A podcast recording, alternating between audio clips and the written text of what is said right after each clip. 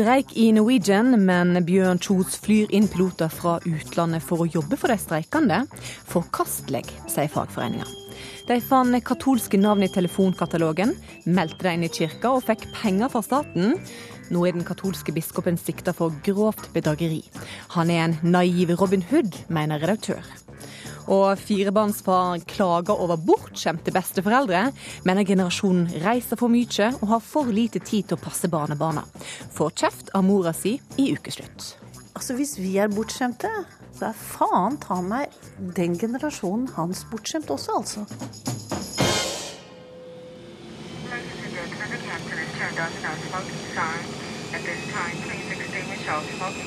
Ja, skal du ut og fly i tida framover, så kan du altså risikere å bli råka av streik. For i natt så gikk 70 piloter fra Norwegian ut i streik etter brudd i meklinga mellom YS-forbundet Parat og NHO Luftfart. Og nå får Norwegian-sjef Bjørn Kjos kraftig kritikk fra fagforeninga for å fly inn piloter fra utlandet for å jobbe for de streikende Norwegian-pilotene. Leder i Parat, Hans Erik Skjeggerud, du mener Norwegian driver med streikebryteri. Hvorfor det? Ja, Det er ikke grunn til å kalle det noe annet enn det det er. Eh, hvis noen eh, blir tatt inn for å erstatte eller utføre det arbeidet som en streikende var ment å utføre, så er det faktisk eh, verken vanskeligere eller enklere enn at det er streikebryteri. Hvordan vil du karakterisere det Norwegian gjør nå? Nei, altså, å, å, ta i bruk streikebryteri det er jo ikke noe vi er vant til i norsk arbeidsliv. Og de gangene det er aktuelt, så, så, blir det karakterisert som det det er. Det er uakseptabelt, og det er forkastelig. For det undergraver den norske modellen. Eh, det undergraver det arbeidslivet vi har. Eh, de verktøyene og de virkemidlene vi har for å løse forhandlinger mellom partene. Og når ikke vi kan få la de tingene virke sånn som de er ment å virke, så er det forkastelig. Mm. Kommunikasjonsdirektør Norwegian, Anne Sissel Skånvik, du er med oss eh, fra Norwegian sin pressekonferanse på Fornebu. Hvorfor gjør dere dette her? Ja, jeg må først få understreke at eh, det selskapet som eh, da har streikende piloter, er Norwegian Air Norway. Dvs. Si det norske datterselskapet som leverer tjenester til Norwegian. Eh, det er ikke tatt inn eh, piloter til eh, NAN. Det er morselskapet som må forsøke å få fram alle de kundene som skal ut og reise med oss. Og det vi gjør da, er at vi omrokerer på en del piloter. Vi benytter noe innleie, og vi har også da administrative piloter, som vi kaller det, dvs. Si ledere i selskapet, som da setter seg bak spakene. Men det er likevel noen som går inn og flyr de eh, flyene som pilotene som streiker, skulle ha fløyet. Er ikke det en form for streikebryteri? Nei, det er det ikke. For dette er en helt uh, egen juridisk enhet. Og her har vi selvfølgelig undersøkt dette, og her er vi på trygg grunn. Og så skjønner jeg jo at Parat er opptatt av Parat, og Skjeggerud ser det på den måten han gjør. Vi har faktisk veldig mange tusen kunder vi skal få fram, og vi er nødt til å tenke på de. Jeg registrerer jo det selskapet prøver her, og det å gi en forklaring på hvorfor det er akseptabelt, det de gjør. men uh, det er viktig å gjøre det så enkelt som det er. Og det er det at når det er en lovlig arbeidskonflikt, en streik, eh, så den, har den en eh, mening. Altså den skal gi en effekt. Det skal være ondt for både oss som streiker og for virksomheten. Eh, det skal virke sånn for at partene skal komme tilbake til forhandlingsbordet så fort som mulig og finne en løsning. Når det ikke får lov til å virke, så undergraver det hele systemet. Det er et brudd på lojalitetsplikten mellom partene, og vi kan ikke ha det sånn. Men har ikke du forståelse for at Bjørn Kjos og, og eh, Anne Sissel Skånvik her, eh, som det begge sier, at det er passasjerene selskapet lever av, og de må ta vare på de passasjerene. Skjønner du at de ønsker å gjøre hva som helst for å unngå at det går utover dem? Våre medlemmer gikk ikke ut i streik med et lett hjerte. De vet at det her rammer tredjepart, i dette tilfellet passasjerene. Det er sterkt beklagelig. Men det er dessverre ingen andre verktøy vi har fått utlevert for å fremforhandle en tariffavtale. Eh, når ingenting annet virker, så er det det verktøyet vi har fått lov til å ta i bruk. Og da må det det, selv om det dessverre rammer passasjerer. Skånvik, nå hisser dere opp eh, Parat og flygerne enda mer med å gjøre dette her, virker det som. Hva tenker du om eh, samarbeidsklimaet nå framover? Dere skal jo tross alt prøve å få til en forhandling her. Ja, jeg håper at uh, våre uh, ansatte, våre piloter, uh, etter hvert ser at den linja som det nå er lagt opp til, ikke er, er, bærekraftig på sikt. Vi må komme til en løsning. og det vi, Jeg hører jo også hva Skjeggerød sier her med utgangspunktet, men det vi har gjort er jo at vi gjennom fire måneder nå har sittet ved forhandlingsbordet for å få Parat og NPU til å komme fram til løsninger innenfor tariffavtalen. For dette er jo en reforhandling av en tariffavtale. Det det er det, det, det dette dreier seg om. Jo, det er greit, det, men, det at dere så, nå setter inn flygere for ja, å Men så må jeg få lov til å fortsette litt. fordi det som skjedde i går, ble jo at det ble kasta inn i, i forhandlingene krav som er helt umulige for selskapet å kunne gå med på i dette tariffoppgjøret. For det handler om hvem som skal lede selskapet, hvem som skal styre eh, driften. Og det må ledelsen og, og selskapet kunne fortsette med. Og det er jo det som også er foranledningen til at det nå ble brudd. Men det at dere henter inn piloter som skal fly flyene mens eh, pilotene streiker, hva tror du det vil gjøre for eh, stemninga rundt forhandlingsbordet? Ja, det kan du si. Nå starta jo eh, Parat med disse utspillene om streikebryteri allerede lenge før man kom til Riksmeklingsmannen. Så eh, jeg, jeg, vet ikke i hvilken Jeg vil ikke spå rundt det. Det vi vet er at vi har hele tiden hatt som mål om å komme fram til løsninger sammen med foreningen.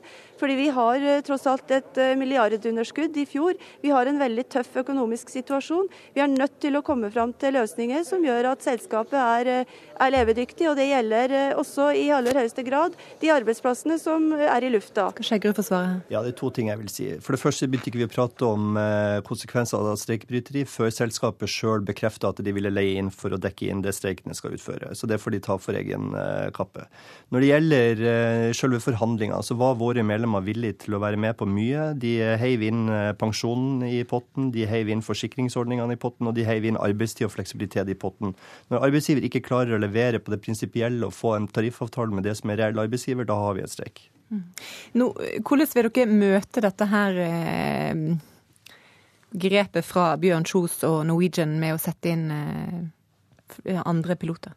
Nei, det her er jo noe som har skapt reaksjoner uh, umiddelbart. Vi har allerede fått uh, sympatierklæringer fra uh, kollegaer ute i Europa. Vi har fått uttalelse fra Den europeiske transportføderasjonen med Ballesteros er leder der, som sier at ikke de kan sitte og se på at en virksomhet i en lovlig konflikt tar i bruk streikebryteri og vil iverksette aksjoner. Sånn at jeg ber jo Norwegian om å tenke seg om en gang til, og ikke gjøre noe som vil få kunne få konsekvenser utover det som er nødvendig.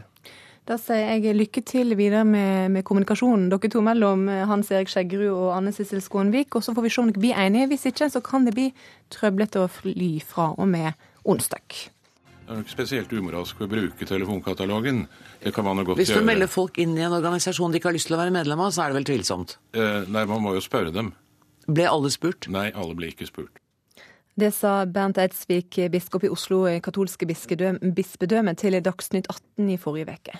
Denne veka ble han sikta for medvirkning til grovt bedrageri. Årsaken er at 65 000 mennesker er meldt inn i den katolske kirka uten å vite om det, og kirka har fått 50 eh, millioner kroner mer i statsstøtte enn det de hadde krav på. Redaktør i Ukeavisen Ledelse, Magne Lerøe, du mener biskopen er en naiv Robin Hood som lar være å gripe inn mot en praksis som skaffa Kirken inntekter de mente de hadde krav på. Hvorfor det? Altså, det, det har jeg skrevet på bakgrunn av at alle på torsdag sånn, skrev om hvor alvorlig grusomt dette her var med dette her største underslaget. Altså, han, han fremsto som en av de virkelig groveste kriminelle vi hadde i samfunnet. Og så ja, men Vi må forsøke da å ha også noen andre briller på og forstå hvordan han har tenkt. Og Det er det jeg da forsøkte å beskrive. Altså Han har en opplevelse av at disse midlene har de egentlig rett på.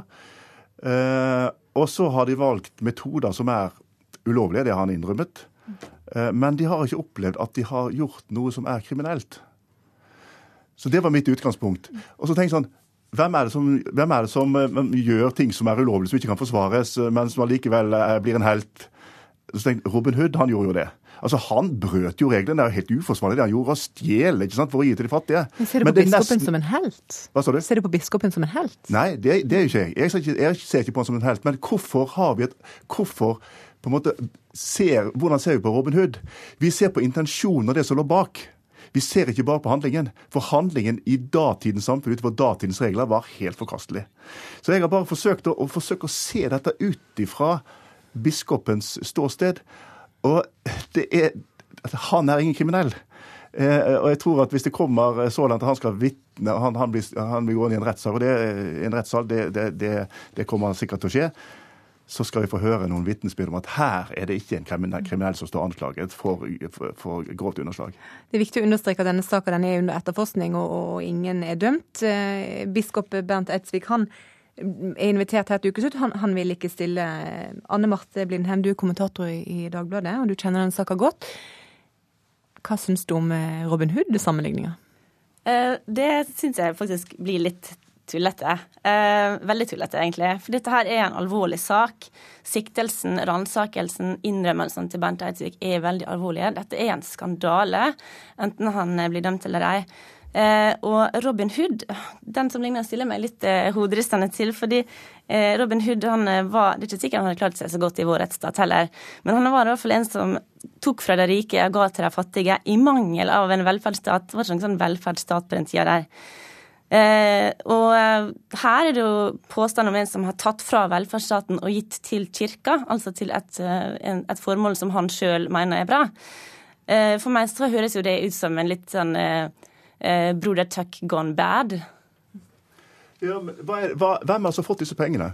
Det er ingen som har tjent en eneste krone. Altså, Vanlige kriminelle når de begår underslag, de tar pengene sjøl. Uh, han har brukt de pengene til alle de som har strømmet til kirken for å be om skriftemål, sjelesorg, gudstjenester. Alt han har hjulpet. F.eks. alle polakkene. Det er titusener av polakker. De forstår ikke poenget med at de skal melde seg inn i denne kirken. Altså, De er jo medlem i kirken. Altså, Den den katolske kirke, der er du medlem i. De har ikke forstått poenget med at de skal registrere seg her i Norge for å få ut de midlene. De får ikke dette til. Og de har foretatt en, en handel i dag som på en måte jeg ikke forsvarer. På metoden forsvarer jeg ikke. Jeg er bare ute etter å forstå hvorfor kan dette skje. Og, og det å da på en måte beskrive biskopen som en av de virkelig grove kriminelle med et underslag på 50 millioner, da bommer man egentlig på det som er saken. For jeg er opptatt av at vi må ikke bare se på en måte en metode den er forkastelig, men vi må også se på en intensjon. Og Det er, det som, det er derfor jeg dro den Robin Hood-sammenligningen. fordi derfor Men vi må ikke glemme at det er 50 millioner kroner minus på statskassa. Det kan godt hende de skulle hatt mer. Altså, Nå skjer det jo en, inn, en påmelding og innmelding av den katolske kirke. ikke sant? Så Det kan godt hende de, de, egentlig skulle hatt flere, fordi de har så mange medlemmer. Så det, det, De får de bare ikke inn. Dette er også et kulturproblem. ikke sant? Får, dette er innvandrere som rett og slett ikke forstår poenget med at de skal registrere seg dobbelt når de allerede er medlem i den katolske kirke. Men dette her blir liksom å gå litt i samme feil som det, felle som det biskopen der ser ut til å ha gjort. For de blander sammen det å ha et tru med det å være medlem i en verdslig fysisk organisasjon. Og Det er to ulike ting. Du kan ikke telle sjeler for statsstøtte for det. Du må ha reglene krystallklare. Du, må, du må være sjøl innmeldt. Du må personlig melde det inn, og så få statsstøtte for det.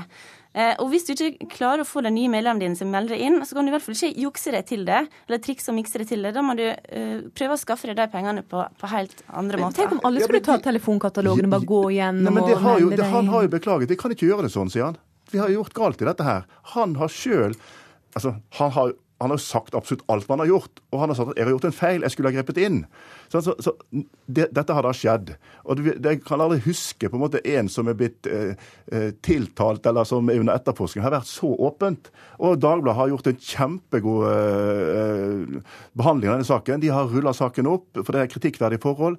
Han har svar på alle spørsmål han har fått. så det er, det er, det er ikke grunn til å kritisere mediene. bare sånn at, Men nå har vi da et problem, og dette problemet skal vi da antagelig løse med å sette en biskop i fengsel.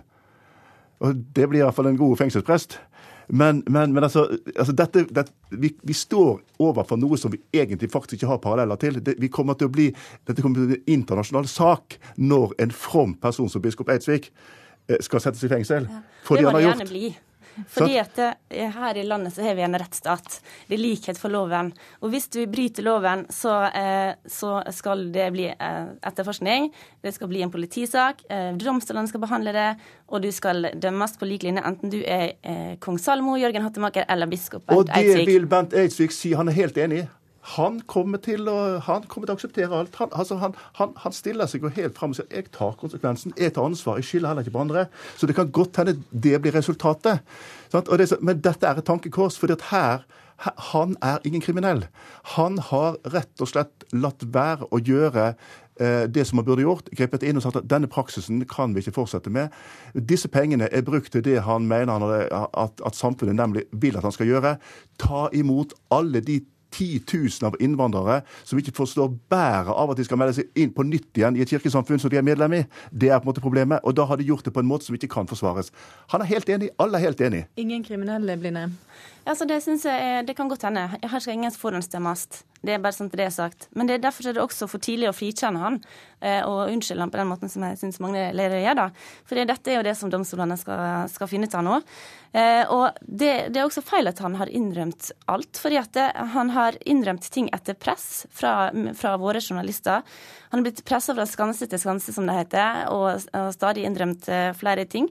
Og det som er kommet fram, er jo veldig alvorlig. Altså, han han Først innrømt at det var skjedd feil.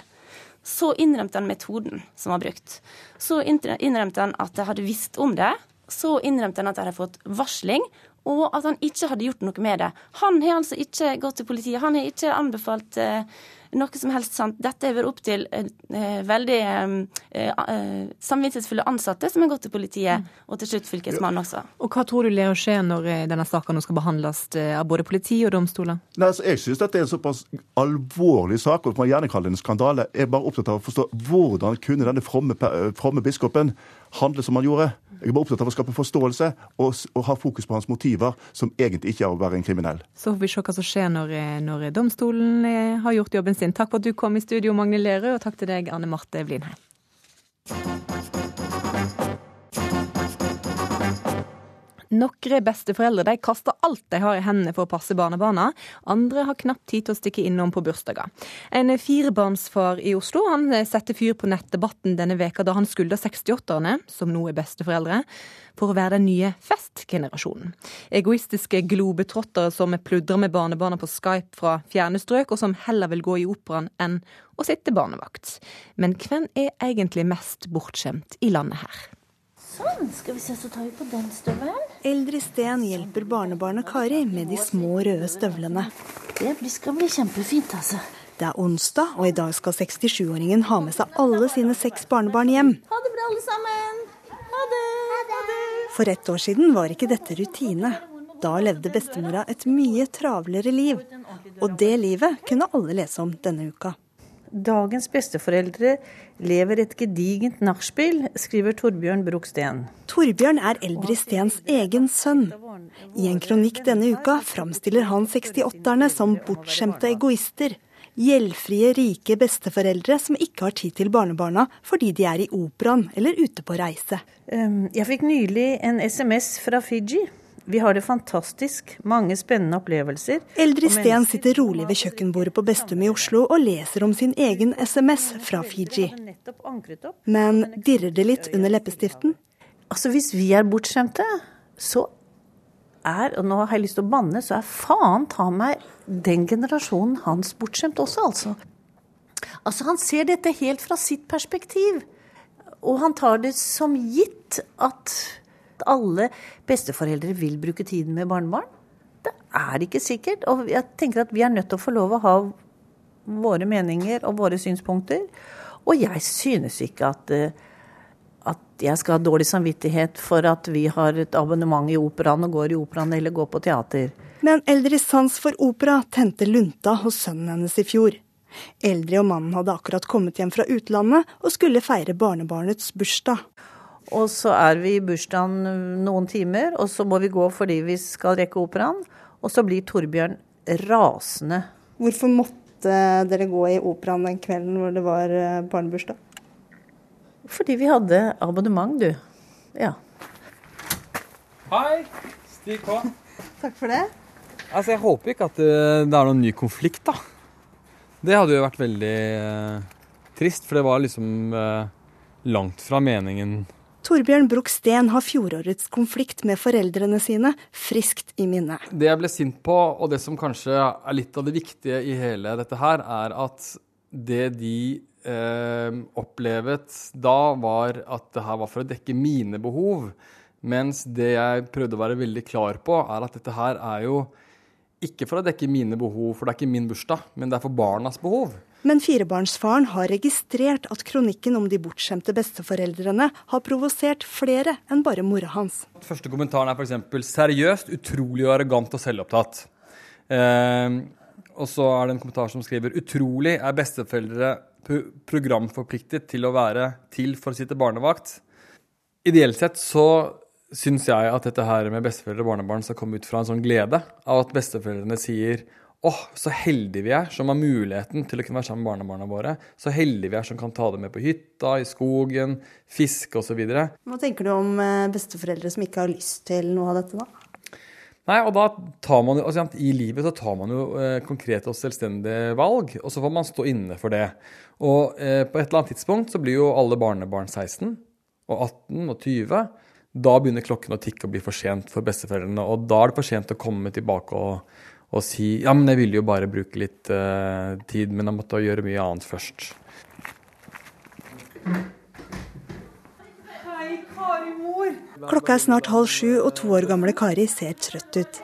Men hun Har du ikke bleie på deg? Pappa Torbjørn har dratt for å hente ungene og skvære opp med bestemora deres. Hovedfokuset her er ikke min tid eller mine foreldres tid, men det er barnas tid. Men jeg tenker for mange så er også dette et både-og. Altså det er deilig å f.eks. kunne reise bort til Viken, sånn som søstera di og mannen hennes har gjort nå, ikke sant? med noen som passer på. Så det er ikke bare for barnas skyld, det er jo også for deres skyld. Så ikke gjør deg mer prektig enn det du er. Ja, Når du først sier det, så kan jeg jo sende tilbake til deg og si at det er også for din skyld og fars skyld. Sønnen din har fått fire barn og er avhengig av deg og de andre besteforeldrene for å få det til å gå rundt. Hva syns du om det? Å lage en avhengighet av besteforeldre, det tenker jeg heller ikke holder. Forrige generasjon og generasjonene før tenker jeg hadde heller ikke den der avhengigheten av foreldre, som kanskje Altså hvis han kaller oss nachspiel-generasjon, så er de virkelig super-nachspielsgenerasjonen og dessertgenerasjonen, altså. Reporter var Kari Li. Eli Hagen, bestemor til elleve og globetrotter, med oss på telefon fra Spania. Hvem tar vare på barnebarna dine nå når du og Carl er i Malaga? Det håper jeg virkelig at foreldrene gjør. Det er jo de som har fått disse barna, og de er flinke og tar seg av barna. Men jeg prøver å stille opp for barnebarna når jeg er hjemme, og det er jeg mye. Jeg har en femåring som overnatter fra lørdag til søndag når hun har ti. Hun har også venninner som hun skal besøke og overnatte hos. Men er det OK at foreldre maser og maser på sine foreldre om at de skal sitte barnevakt? Nei, det syns jeg ikke. Vi har gjort jobben vår. Vi har uh, oppfostra de barna. De har valgt å få egne barn. Men det er klart at besteforeldrene må jo stille opp. Jeg har jo veldig lyst til å være sammen med barnebarna, men jeg skal ikke leve mitt liv gjennom barn og barnebarna. De må få lov, Når de, vi er ferdig med barn, så må vi ha lov å leve vårt liv. Og han er jo utrolig heldig. Han har jo friske foreldre som reiser. Han kunne vært, han kunne vært uheldig og hatt pleietrengende foreldre, f.eks. Da måtte han passe de i tillegg til sine fire barn. Så egentlig så har han et luksusproblem. Altså. Ellen Horn, eh, travel bestemor til og akkurat nå med oss på telefon fra Skien, der du er på turné med Riksteatret. Du savner barnebarna så sterkt når du er ute på turné at du strikker til dem. Er det vanskelig å være vekke fra dem? Jeg sitter og strikker sjakkgenser til min uh, seks år gamle Bobo-barnebarnet som er så glad i sjakk. Jeg savner dem forferdelig, og jeg opplever det som et enormt privilegium å få bli bestemor. Det er jo ikke alle som blir det. Eh, det snakkes om dessertgenerasjonen her. Eh, jeg eh, syns det er et fint uttrykk at barn, barnebarn er livets dessert. Det er en gave, det er et, et privilegium. De som ikke har dem, de er jo misunnelige på oss som har fått barnebarn. Men er ikke det viktig for, for besteforeldregenerasjonen å, å, nyte livet litt, ja, reise litt, ta seg litt fri fra alt ansvar? Altså, jeg synes Selvfølgelig så er det viktig for alle. Jeg føler at alle lever nå i en tidsklemme. Både foreldre og besteforeldre og barn de har en kamp med klokka hele tiden. Vi jobber lenger, vi er mer aktive og friske. og Forhåpentligvis så kommer jo det også barnebarna til gode. Vi får ake kjelke, vi får eh, drive med ting som vi ellers ikke gjør. Men, men du kaster raskt alt du har i hendene, bortsett fra strikketøy, da, eh, for å passe barnebarna når du kan? All tid som jeg har til overs utenom jobben. Jeg har jo jobbet sykt mye i mitt liv, men jeg har alltid tatt plass til unger. Jeg hørte om operaen. Jeg har jo hatt med min lille ballerina Molly i operaen på ballettpremiere. Jeg er jo styreleder i operaen fortsatt. Inkluderer dem i det jeg driver med og viser dem at jeg har et travelt liv, men de får lov å være en del av det, og det syns jeg er utrolig stimulerende. Eli Hagen, hva sier barna dine når, når, du sier at du heller vil ta deg en romantisk middag med, med Carl ute istedenfor å sitte barnevakt? jeg sier vel ikke det. Jeg uh, syns jeg stiller opp så ofte jeg kan. Og så vil jeg jo heller ikke være en pest som plager for barnebarna. De begynner å bli ganske store. Som sagt, jeg har fortsatt en femåring, men de begynner å bli store. Og jeg vil at jeg skal være at de skal ha lyst til å være sammen med meg, ikke at jeg skal presse meg på dem hele tiden. De har masse venner, gjør masse ting. Men jeg vil at jeg skal være et lyspunkt, og ikke være sånn som å, kommer, kommer, mormor i dag igjen? Liksom, må vi spise hos mormor i dag igjen? Så jeg syns at det er mye bedre at jeg er eh, ikke der for ofte, eller de er ikke for ofte hos meg, men de skal ha lyst til det. Og det skal være en glede å være sammen med oss. Ellen tror du barnebarna dine tenker sånn nå kommer bestemor igjen? Jo, men altså, Jeg syns jo Eli har et poeng. for det, Av og til så kan man jo føle at man presser seg på, for man har så lyst til å være sammen med dem hele tiden. Og så er det det at de nye familiestrukturene er jo, det er jo så masse besteforeldre. Jeg er selv eh, skilt fra en ektemann og har en annen med en annen. Og, og det er masse besteforeldre som slåss om å være sammen med dem. Så noen ganger så kan jeg jo nesten føle at, det, at man presser seg litt på. Men nei, mine barnebarn de blir glad når jeg kommer. Det våger jeg å tro på fortsatt. Men det gjelder jo å fylle den tiden med noe meningsfylt. Altså at man ikke blir en sånn klam eh, hånd som henger over dem hele tiden. Jeg har jeg syns 68-generasjonen får veldig dårlig eh, skussmål av eh, han som skrev den artikkelen. I mitt hode så er 68-erne veldig opptatt av barn. Jeg hadde akkurat en venn av meg som har gått over i 60% jobb for å ha tid til å være mer sammen med barnebarna sine. Sånn opplever jeg at vi er. Så dere kan, både, ja, dere kan både kombinere mm, kos og, og reise og ja, egen tid og barnebarn, Eli Hagen? Ja, jeg syns at eh, det er fint at vi er friske og spreke og ikke er en belastning for våre barn og barnebarn. Og at vi har reiser og ikke at de føler at de, å, nå sitter mormor alene, nå må vi ta oss av henne. Nei, jeg er frisk og sprek og reiser og gjør masse andre ting og lever ikke mitt liv gjennom barn og barnebarn, men jeg er veldig glad i dem. Det er jeg. Da konkluderer vi med at eh, barnebarn er bra å ha, og så kan man ta seg fri av og til. Takk til deg, Eli Hagen, og takk til deg, eh, Ellen Horn. Du hører på Ukeslutt i NRK P2. Halv fram med det å høre at Knut Arild Hareide satte Per Sandberg på plass på direktesendt radio. Nå er han ikke lenger bare han snille, han viser statsministertakter, mener professor. Og sportsjournalister får kritikk for 'hva føler du nå?'-spørsmål. De burde holde kjeft, sier professor.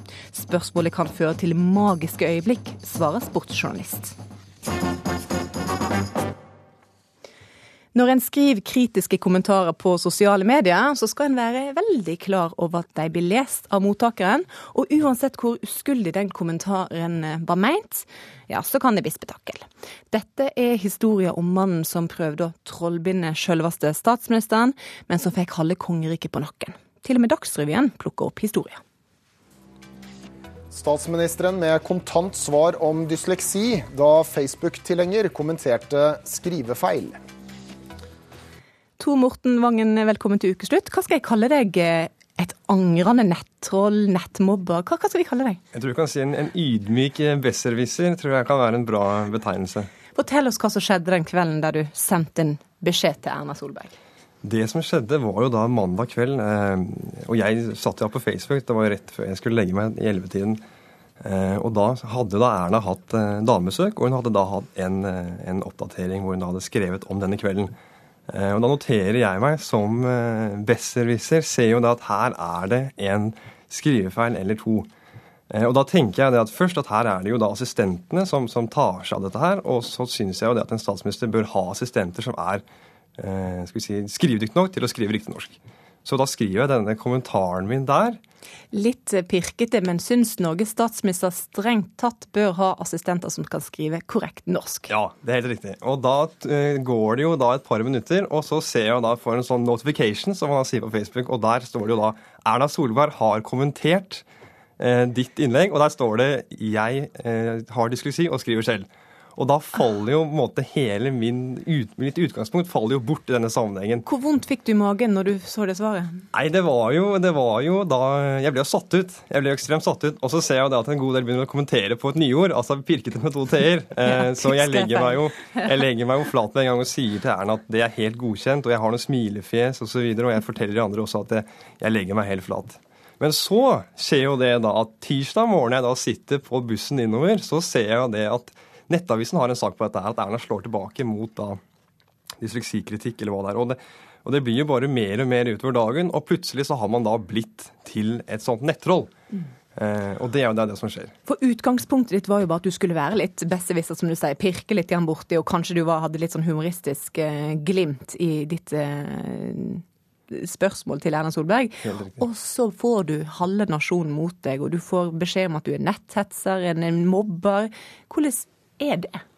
Nei, det er, det er veldig ubehagelig, for du har ikke, noen kontroll på hvor dette her går. Eh, Og det var jo noen eh, nettsteder som også eh, sammenlignet meg med altså sånn, som en regelrett hetser, da, altså disse trollene som, som man ser. Så det er veldig ubehagelig når du ikke har noen kontroll på det. og det er, det er på en måte veldig langt unna det som er utgangspunktet. og som Man ser jo også da kommentarfeltene som kommer på, de, på disse, disse sakene. Så er det jo så blir man med en gang eh, sett på som en, som en nettmobber. Mm. Så det er, det er utrolig ubehagelig. Og, og du har jo skrevet kommentar på NRK der du legger deg paddeflat, og du, du beklager. Eh, og du sa det var ikke dette her som var meninga.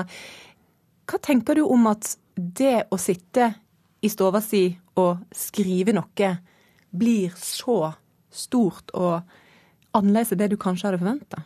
Det er, det er surrealistisk. Det er eh, en veldig merkelig følelse når du sitter der.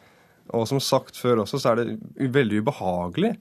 Eh, fordi man vet jo ikke hvor dette her eh, hvor dette kan gå. Altså om denne saken blir Kommer det nye vinklinger, eller hva det blir. For det er klart eh, Utgangspunktet er jo bare Det er jo, rett og slett en, en, en kommentar til, eh, til, til eh, rettskrivning. Det går på ikke noe, ikke noe mer enn det.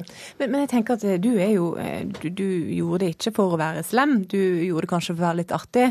Det er jo folk der ute som gjør en, sånne type ting for å være slem, men skikkelig nettroll. Mm. Hva, hva tenker du at en, vi alle kan gjøre før vi skriver ting til folk?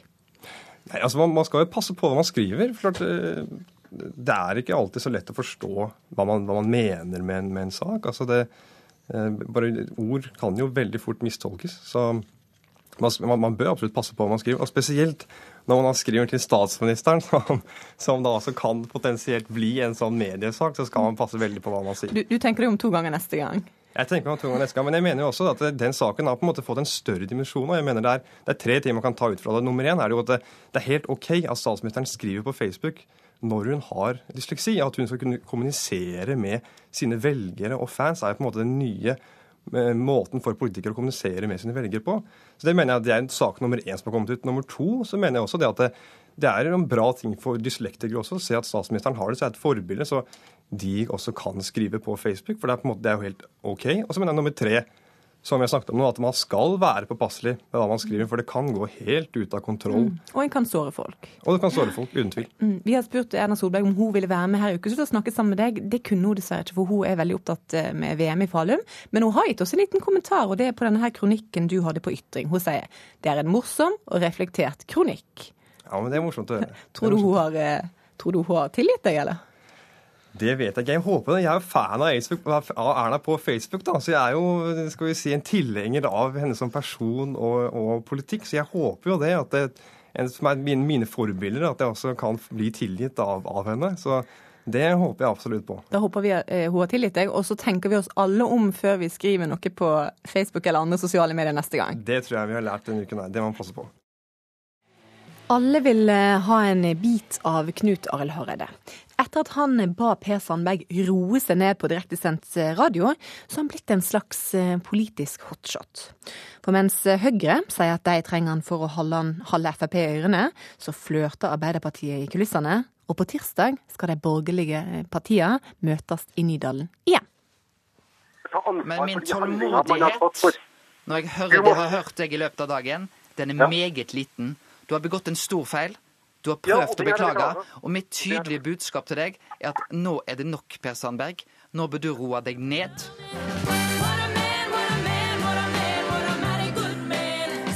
Det er ikke mange år siden Hareide var et yndet parodiobjekt som en pinglete fyr. Ikke hjelm. Jo, du må ha på hjelm. Nei, det er så tung i hjelm. Hjelmen her, den er ikke tung i det hele tatt. Den er kjempelett. Men etter at han hamla opp med Sandberg, var eh, sosiale medier fulle av beundring. Hareide, go, go, go. Knut Arild Hareide er en sånn politiker som vi vil ha. Har aldri stemt KrF før, men hvor er egentlig de andre verdipolitikerne? Trodde aldri jeg skulle si dette, men Knut Arild Hareide, you rock. Knut Arild Hareide is on fire. Knut Arild Hareide, my hero today. Lukter testosteron gjennom PC-skjermen.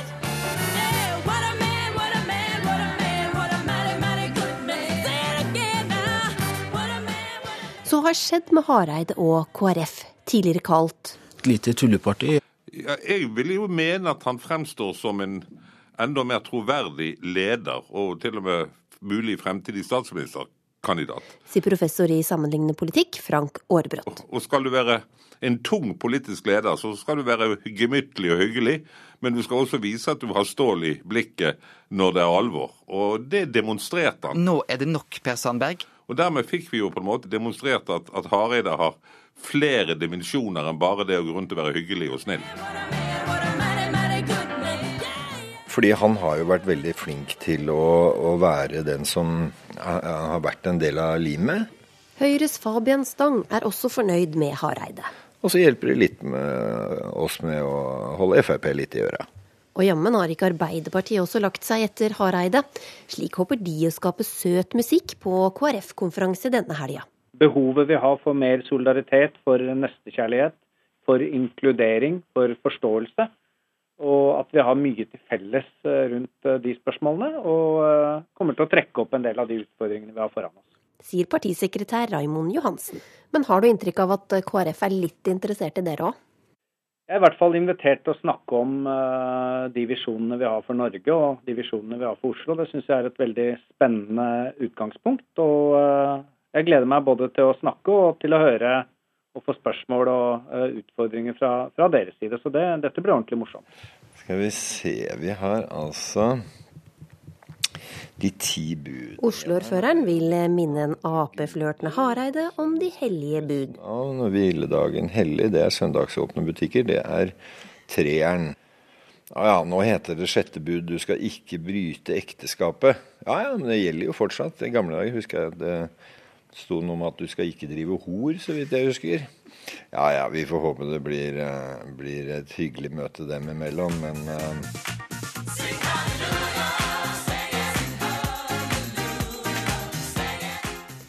Tirsdag skal de fire samarbeidspartiene møtes i Nydalen igjen. Plan, planen min er at jeg har tatt, med meg ekstremt mye sukkertøy til de andre, i håp om å holde humøret og sukkeret oppe. Men det spørs om ikke Erna Solberg må gjøre regjeringa enda søtere for å holde på interessen til Venstre og KrF. Eh, Så jeg håper at vi nå er ved et vendepunkt hvor man ser hvor dumt det er å skrike på hverandre, og hvor viktig det er å jobbe sammen i team. Eh, framsnakke hverandre, som det vel nå heter. Eh, det gir mye bedre uttelling, og det er jo det befolkningen ønsker. Det er få som syns det er morsomt å høre på noen krangle. Er, er det noe fare i at liksom Arbeiderpartiet nå begynner å fri til, eh, til eh, KrF? Og nå leter de vel etter et nytt flertall og, og frister Kristelig Folkeparti. Det er alltid lov å friste noen, og så får vi jo se hvem, hvem som lar seg friste. Men eh, Kristelig Folkeparti har nå fått eh, stor uttelling for, eh, for sitt valg av side hittil, og jeg tror de er ganske fornøyd. Marit Bjørgen og co. går akkurat nå tremila, og i tet nå er Therese Johaug. Sjansen den er stor for at når kvinnene går i mål, så får de et noe klisjéaktig spørsmål. Hva føler du nå? For det er jo ofte det spørsmålet utøverne får. Hør bare her. Hva føler du nå? Lettelse, eller? Hvordan har du det nå? Hva føler du nå, nå som du har slått ut? Hva føler du nå? Hva føler du nå? Hvordan føles det? Hvordan eh, føles det? Ifølge kritikere så er spørsmåla sportsjournalistene stiller ikke alltid like originale. Denne veka mente en kommentator i Aftenposten at sportsjournalister i liten grad stiller de interessante spørsmåla. Kommentatoren skrev det er journalistens oppgave å drive journalist journalistisk arbeid som nagler oss til skjermen i ren fascinasjon overfor høyrehistorien historien bak medaljekampen, og sliter. Professor i sosialpsykologi Arnulf Kolstad, du er enig i at ikke alle spørsmål som er stilt er like interessante. Og du skulle av og til ønske at sportsjournalistene holdt kjeft. Hvorfor det? Jo, fordi ofte så stilles det spørsmål om der vi kjenner svarene. Vi ser at folk holder på å sprekke av glede over enten å vinne eller ja, helst vinne, eller at de er eh, griner av sorg for ikke å, å bli nummer én. Og så stiller man dette spørsmålet hva føler du nå? Og så skal disse arme utøverne prøve å omsette dette til noen klisjeer eller noen floskler. da. Prøve å finne et riktig adjektiv og prøve å uttrykke denne følelsen. Og det er umulig for de aller fleste, og ikke minst for sportsutøverne. Så det mener jeg vi burde spare dem for. Både utøverne og også, ikke minst, vil jeg si, de som utsettes for dette av eh, tilskuere. En av de som utsettes for, for dette her, det er deg, skuespiller Anne Marie Ottesen. Du er helt vill etter VM, og du får ikke nok av konkurransene, du får ikke nok av intervju med utøverne. Hva tenker du når du hører? Hva føler du nå? Nei, jeg tenker at det er, eh, som Søren Kirkegård, eh, filosofen, sa, gjentagelsen. Og det er veldig godt og trygt for oss sportsidioter. Og i, i teatret har vi også, hadde jeg også en lærer som sa ikke vær redd for klisjeene. Så jeg syns det er et helt legitimt spørsmål å spørre hva føler du nå? Og så får de jo svare etter fattig eller rik evne, da. Og noen ganger ser vi jo hvordan de føler det også, så det er ikke så Men er, jeg, tror det, jeg, tror ikke det, er, det er ikke intelligensen i spørsmålene eller, eller den journalistiske vrien som teller her. Her er det sportsgleden, og vi har jo nettopp sett hva som har skjedd, og vi er jo helt i hundre. Da skal vi bare høre hva de følte under løpet. Og du kan høre om og om og om igjen det spørsmålet. ja, det gjør ikke meg noe. Jeg syns det er pinlig, både for utøverne og for oss som hører på. Men jeg tror problemet er at det ikke er så mye annet å spørre om. Fordi dette er jo en aktivitet, altså underholdningsidretten, som ikke har noen egentlig substans. Den skaper ikke noe. Det er på en måte en aktivitet som er helt uten verdier. Eh, og hvis vi sammenligner med annen produktiv virksomhet, så skapes det i hvert fall et produkt. Det er en substans i det. Jo, altså det er ingen som vil finne på å spørre en, en forsker om hva følte du da du oppdaga disse nervecellene i hjernen. Eller til og med en baker lager en bolle, og, en mann blir aldri spurt om hva følte du når du lagde bolla. Nå syns jeg du er litt nærmer deg litt sånn Porsche, altså. Litt sånn snobbete. Dette her er ikke forskning. Dette er ikke noe annet. Det de skaper, de skaper faktisk veldig mye. De skaper veldig mye glede hos en sånn som meg. De skaper avslapning. Og jeg jeg er veldig glad for det, og veldig mange er det. Og de skaper også stor idrettsglede i landet vårt, og det påvirker veldig mange unge mennesker. Og er det noe som er viktig, så er det at folk holder seg i form i disse dager. Så, så jeg er ikke enig med deg. Altså. Jeg, jeg, jeg sa ikke at de ikke skapte noe. De skaper noe for deg. Men de skaper ikke noe, noe som er substansielt. Jo, det er substansiøst, altså, og, og, og, det er substansiøst å skape idrettsglede for unge mennesker. De skaper øyeblikkets opphisselse hos Nei, deg. de skaper den... idrettsglede for en hel, for mange, for den unge generasjonen. Ja, og så kan vi spørre, er dette noen god måte å skape idrettsglede på? Ja. og, og så oppleve disse utøverne som trener så blodet spruter og stikker fra både familie og kone og barn i sju uker bare for å vinne med en tåspiss for en nordmann, og så blir de dyrka som helter av den grunn. Ja, Men du er vel ikke du... glad i sport, da? Jo, jeg er glad i sporten. Jeg ser komikken i det. Jeg ser, jeg ser liksom at det har en, en, en latterlig side å bli så hekta på det som du er, istedenfor å ha et forholdsvis avslappa forhold til det. Se som sagt komikken Nei, i det. Vet, unnskyld, nå må jeg bare avbryte deg litt og si det at du må ikke si sånn og at det, er, at det er, ikke er bra å ha et sånt forhold til det som jeg har. Nei, men du vet hva? Ja, du må gjerne si det, det er ikke det.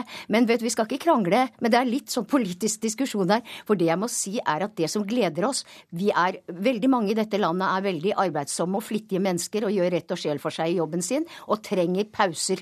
Dette er pauser for oss, det er ikke pauser for toppidrettsfolkene, men det er pauser for oss, og det gir oss glede. Du vet hva idretten... Og, og man, må ikke si, man, må ikke si at, man må ikke si at det er latterlig, eh, det andre syns er morsomt. Jeg synes det er komisk å Vi være så skal, nå, opptatt av vi skal tilbake til dette her med at journalistene står og stiller spørsmålet som kanskje mange mener er en klisjé. Og eh, Dag Erik Pedersen, programleder i NRK, tidligere proffsyklist. Du har kanskje fått det spørsmålet sjøl et par ganger. Du har stilt det garantert et par ganger. Hvorfor er dette her et eh, greit spørsmål? Jeg tror ikke det er så veldig mye annet man har å spørre om der og da enn hvordan utøverne har det. Vi har sett dem slite, vi har sett dem miste skia, vi har sett dem ha hatt vanskeligheter, vi har sett dem gråte, vi har sett de har vunnet. Eh, vi vil jo gjerne høre deres historie. Det blir jo ofte da pakka inn i hva føler du nå, hvordan har du det, hva tenker du på, hva var det første som slo deg når du kom i mål? Altså Det er denne type spørsmål. Og jeg finner ikke noe annet ord for følelse. Jeg finner ikke noen måte å spørre om akkurat det på. Og så skal det også sies at eh, det er en hel nasjon som følger med. Vi ser jo på tallet her i NRK når vi sender VM fra Falun f.eks. Eh, det sitter altså 1,3-1,4 millioner mennesker og ser stafetter og fellesstarter hvor Northug og Bjørgen og Johaug er i spissen. Og det er veldig få av de som er rakettforskere. De fleste er med kaffekoppen og har lyst til å se Norge vinne. For det betyr, som, som Anne Marie er på, det betyr mye for, for vår nasjonale følelse. Det, det, gjør det, men det betyr masse.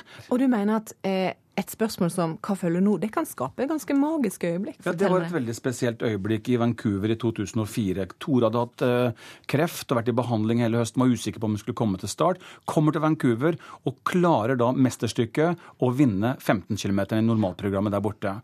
Og jeg tror ikke vi var aleine som gråt i Vancouver. Vi følte jo at vi hadde en nasjon med oss der hjemme som satt i tårer. Og så sier jeg til Tora, eh, og det har blitt spilt mange ganger etterpå, men det var et sånn som jeg tok ut fra situasjonen. Jeg sa Tora, hva sier du nå til alle de som gråter med deg der hjemme i Norge? sier jeg. Og Da kikka han på meg, tårene rant, og det var da han begynte å takke Tussi og Tarzan aller først. Bikkjene. Og det kaller jeg et magisk øyeblikk på TV.